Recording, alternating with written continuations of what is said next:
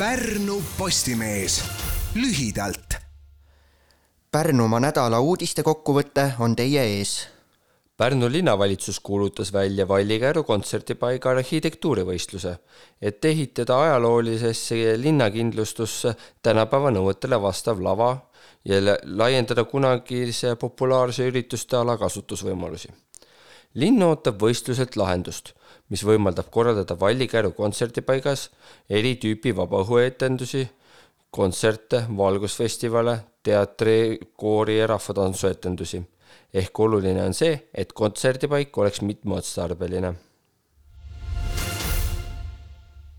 ülekäigurajal sõideti otsa kolmeteistaastasele tüdrukule, neljateistaastasele poisile, viiele lapsele korraga ja kaheksakümne nelja aastasele naisele.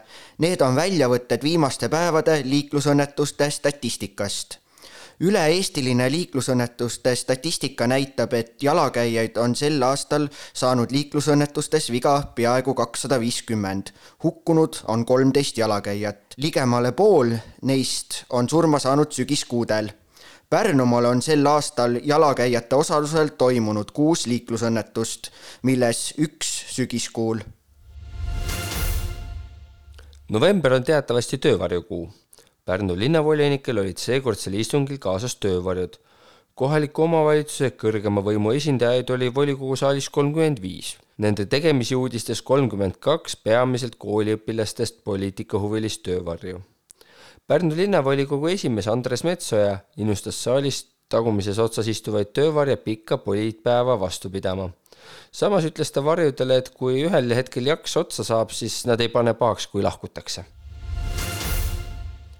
Lääneranna vallavolikogu esimees Arman Reinmaa andis puiklevaid vastuseid küsimusele, kas Metsküla kooli lapsevanematega hakatakse veel kord läbi rääkima, nagu president Alar Karis Kadriorus vallajuhtidega kohtudes soovitas. vallavolikogu esimehe teatel on kohtumenetluse käigus läb läbirääkimised pooleli küsimusele, kas siis kohtuvälise kokkuleppe saavutamiseks kolme osapoolega kohtumist ei tule, vastas Reinmaa, et ta pole seda öelnud. presidendiga alles kohtuti ja kindlasti tegeletakse selle teemaga edasi. Eesti tippsuusataja Alvar Johannes Alev näitas Põhja-Soomes Olosel esimesel oma võistlusel, et on pannud ettevalmistusega täkkesse ehkki jõulusuusaklubi kasvandik rääkis oma praegusest vormist ülivõrdes, vajab kõrgete eesmärkide täitmiseks katet kolmekümne tuhande eurone eelarve.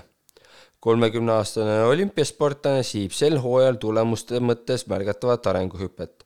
eesmärk on jõuda MK-sarja distantsisõitudel kokkuvõttes kahekümne parema hulka Tori põhikoolis on alates septembrist kolmanda kuni kuuenda klassi õpilastele inglise keele tundi andnud pikalt välismaal Ameerikas, Kanadas, Austraalias ja Soomes elanud Triin Tints. Tints ütles, et tal oli juba pikalt mõte Eestisse tagasi tulla ja ta hakkas vaatama erinevaid võimalusi, mida siin teha. mitmetest kohtadest jäi talle silma Noored kooli programm, mis tundus väga põnev väljakutse kõige raskem on noore õpetaja jaoks olnud esimestel kuudel distsipliini saavutamine tunnis.